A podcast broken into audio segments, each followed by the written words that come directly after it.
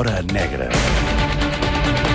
Arriba el terratrèmol a l'estudi de Catalunya Ràdio. Maria del Carmen Navarro, bon dia i bona hora. Bon dia, Rogelio. ¿Cómo estamos? Molt bé, i tu? Celebrando la hispanidad. Perfecte. Per cert, avui patró de la Guàrdia Civil. Felicitats a tots els Guàrdia Civil que ens escolten. Moltes felicitats. Tenim que... 800 més que fa uns dies. Ah, sí, perquè de fet surts al carrer i només veus policia i guàrdia civil. De fet, vaig passar per Sants l'altre dia, el desplegament realment és espectacular, i més aquest cap de setmana, avui que és 12 d'octubre. Maica, què està Sí. passant? Què està passant? Està passant que ja ha començat a, a veure's eh, i a evidenciar-se aquest reforç policial de, tant de Guàrdia Civil com de Policia Nacional d'aquests gairebé 1.800 homes i dones que han, que han vingut per reforçar eh, la seguretat eh, durant els propers dies eh, una mica per participar d'aquest desplegament que dirigeixen els Mossos d'Esquadra i que haurà de donar resposta i a, a la resposta resposta a la, a, a la resposta massiva de que es, es preveu que hi haurà quan es faci pública la, la sentència. Hi ha molts nervis, Maica, tu que estàs ben informada en aquests cossos policials, a Mossos, a Guàrdia Civil, a Policia Nacional... Perquè, clar, venim de la setmana que venim, eh, hi va haver l'estirabot que hi va haver, eh, en aquest cas el dia del patró de la Guàrdia Civil, eh, en aquest cas del coronel Garrido, que va dir el que va dir. Mm. Com estan veure. els ànims dins de les forces de l'ordre? A veure, hi ha, hi ha inquietud. O sigui, és una, és una setmana que, que per les, que les forces de seguretat es veu és, és complexa i complicada e imprevisible. Jo crec que hi haurà... Ells preveuen diferents escenaris. De fet, avui a La Vanguardia expliquem com ahir Mossos d'Esquadra va celebrar la seva última gran reunió de tots els comandaments. El comissari en cap Seient convocava al complex policial de Gara a tota la prefectura i a tots els comissaris caps de la regió i una mica el comissari, que és el cap del dispositiu, els hi presentava els diferents escenaris. Hi ha un escenari que és de mm, concentracions massives, de marxes massives, que de fet, i algunes de fet estan anunciades, i fins i tot s'ha demanat l'autorització a la Conselleria d'Interior perquè siguin, perquè es consensuïn els itineraris, i per tant jo crec que això no ha de, no ha de repercutir, és a dir, repercutirà en el dia a dia de la gent que no, no vol participar i que voldria anar a treballar i que haurà de trobar eh, vies alternatives. La xarxa viària serà la gran afectada d'aquestes mobilitzacions i després està tots aquests escenaris no previstos que són bueno, el que, el que, el que mm, aquí juga un paper fonamental a- als serveis d'informació per intentar preveure doncs, accions de sabotatge més, més contundents que ja veurem fi- si finalment es produeixen. Estem preparats per explicar-ho. En qualsevol cas, mentre es perpetua també aquesta calma tensa, avui amb la Maica Navarro recuperem un cas que ens situa a l'any 2004, concretament el 5 d'octubre del 2004. Perquè avui, Maica, parlarem d'un crim esgarrifós que va tenir lloc a Bellvitge, a l'Hospitalet de Llobregat. Ara fa tot just 15 anys, una unitat de bombers va anar a apagar un incendi que s'havia declarat en un pis de la Rambla de la Marina de l'Hospitalet. I què van trobar en aquest pis, Maica? Doncs quan van arribar els, els bombers el que van trobar és que, bueno, que s'havien intentat eh, cremar diferents objectes, que havia- s'havia produït un incendi, després es va saber que s'havia fet servir ron per intentar agilitzar la, la, les, la, les flames, a, concretament a uns matalassos, unes butaques i un sofà. El que passa és que també aquestes flames el que havien intentat era esborrar empremtes del cos de dues dones que apareixien en dos estades diferents de- d'aquesta vivenda de l'Hospitalet. Eren dues dones que havien estat eh, assassinades i era evident assassinades perquè totes dues apareixien eh, mig despullades i, i maniatades. Les havien violat, també.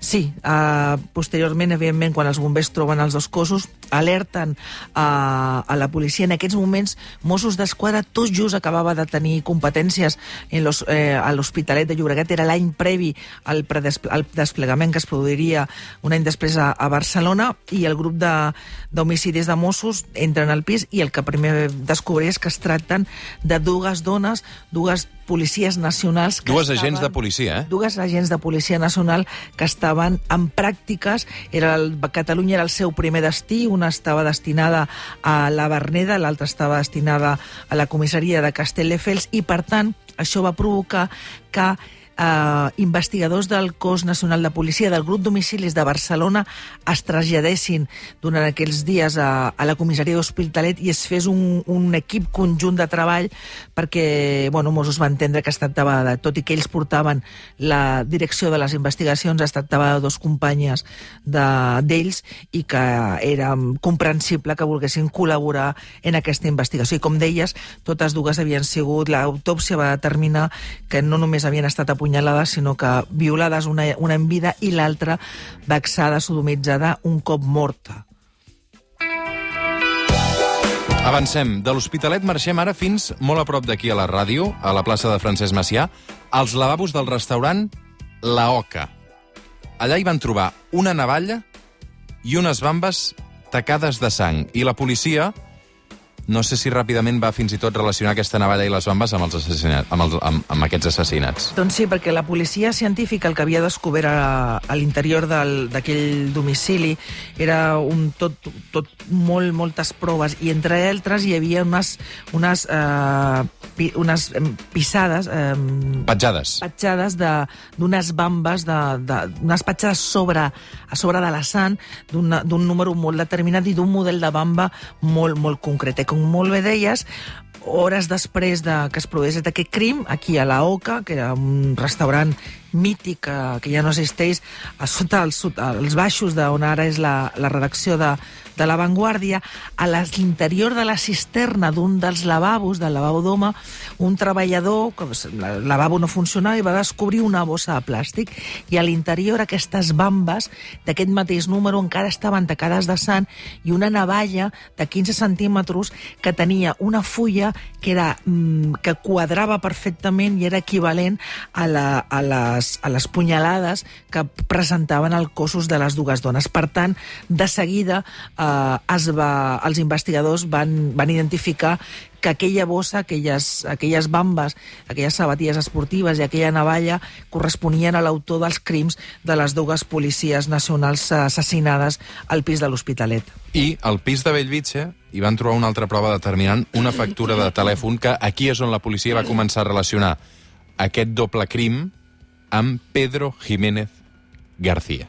Efectivament, el Pedro Jiménez García en, en aquesta crim absolutament salvatge que va protagonitzar amb aquestes dues dones, va deixar tot un munt de, de proves, aquestes petjades de, de sang, restes eh, biològics genètics en el cos de les dues dones, i a més a més, durant les accions va perdre una factura de la compra d'un mòbil en el que havia anotat a mà el número de telèfon i que els investigadors de seguida, quan van anar, van, van, fer, van recórrer al, al sentit contrari, és a dir, van, van intentar veure qui havia comprat aquest mòbil i, evidentment, aquest número de telèfon l'havia comprat el Pedro Jiménez García amb la seva identitat.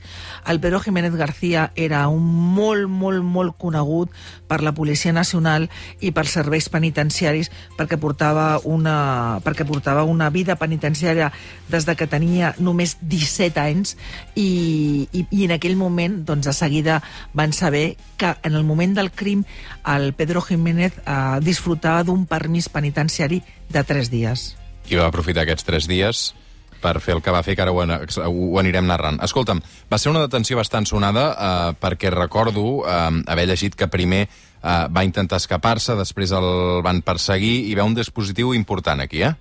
La fugida del Pedro Jiménez García només va durar dos dies.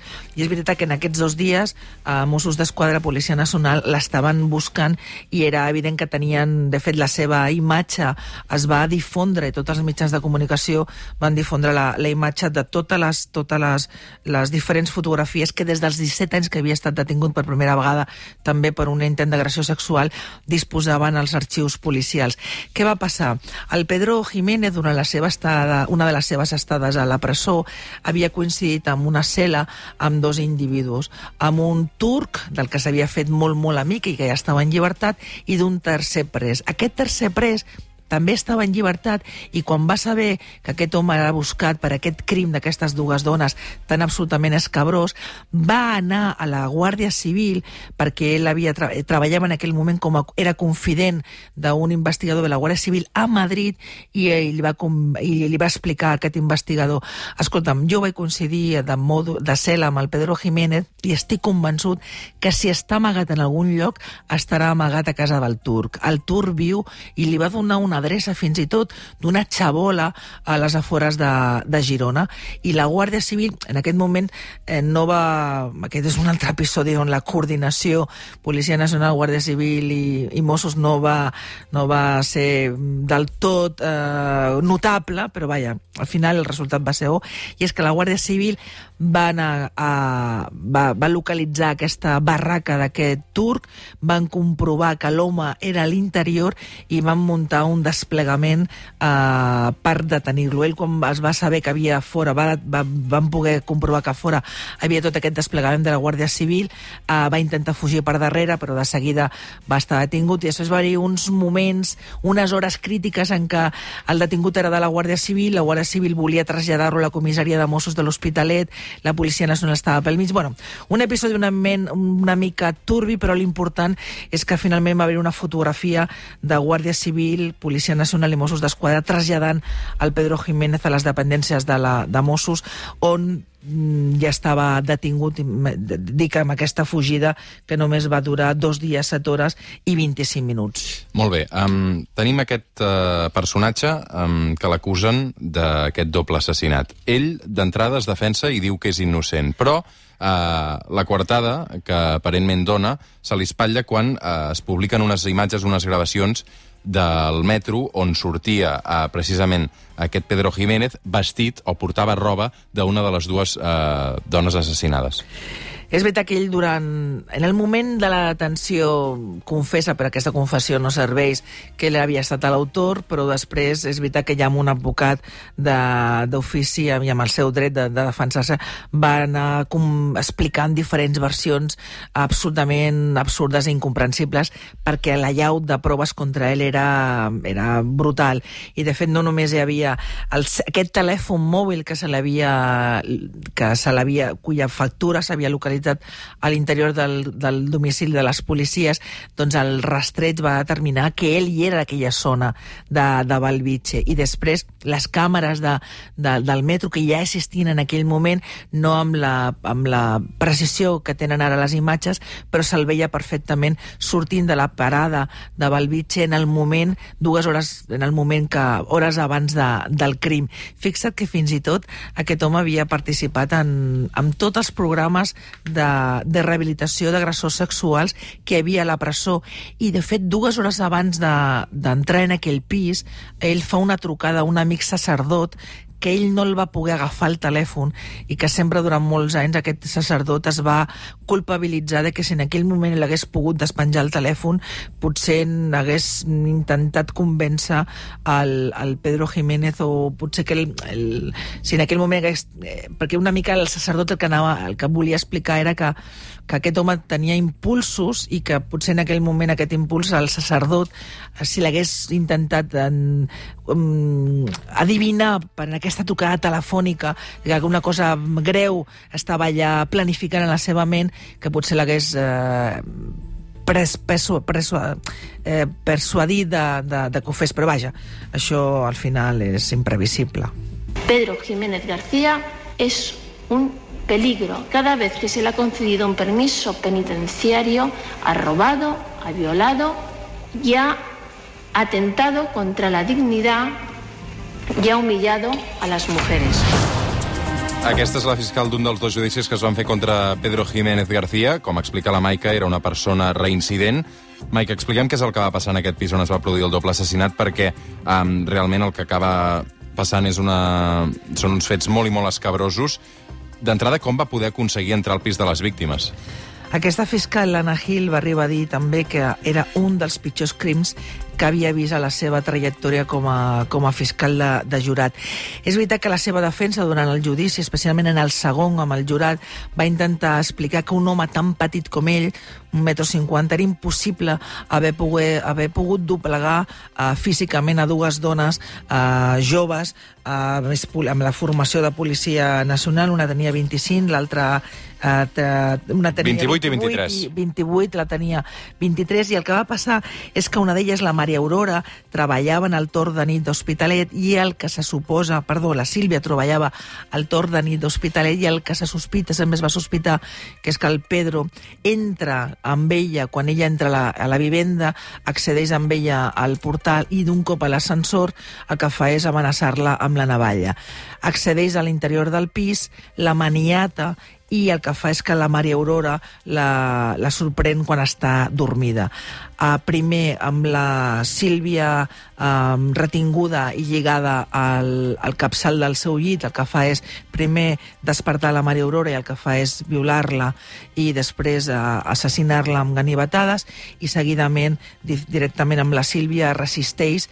De, eh, es, us podeu intentar imaginar el patiment d'aquesta dona sabent el que estava o imaginant o sospitant o escoltant el que estava passant a l'altra habitació, tot aquelles minuts, hores que va poder, eh, aquella angoixa, i quan ell arriba a l'habitació per ella, intenta defensar-se, el que fa és apunyalar-la primer i un cop morta el que fa és sodomitzar-la amb, amb objectes. Per tant, una de les, de les acusacions de les delictes... Un cop morta? Sí, un dels delictes que se li va acusar va ser profanació de, de cadàver per, per, la, bueno, mm. per, per allò que tot allò que es van trobar en aquella i tot allò que Molt, va determinar la, la, la, que és escabrós i, i duríssim jo crec que no cal que entrem avui crec no, que, no, que entre, no, i de fet però la, la meva les... pregunta, jo tinc una pregunta que és important que, que, que, com és que aquest senyor va aconseguir un permís? estem parlant de estem parlant de, del 2003 4. 2004 i jo no vull dir que en aquells moments els responsables de les, dels, els, els, ni els jutges penitenciaris, ni els especialistes de les persones, ni els tècnics que assignaven els permisos fossin millors ni pitjors. El que passa és que el Pedro Jiménez havia aconseguit mentir a tothom i es convertia i es va convertir en un, en un pres modèlic modèlic que participava en totes les, en totes les programes que la presó posava a la seva abast per participar en la reinserció i tot i que ja tenia precedents d'haver també intentat una agressió sex sexual en un anterior permís, perquè recordem jo que és molt important, des dels 17 anys ja havia, als 17 anys ja se li va condemnar una primera condemna de 15 anys per violar una menor al, al 1986, doncs mira, els va tornar a enganyar. De fet, l'advocat d'una de, les, de les policies era el Cristóbal Martell, i ell va assegurar que era un gran mentider. Escolta'm, he d'anar un moment cap a Madrid. Uh, Maica Navarro, el, el... podem tancar aquest capítol? Uh, jo crec que està molt interessant.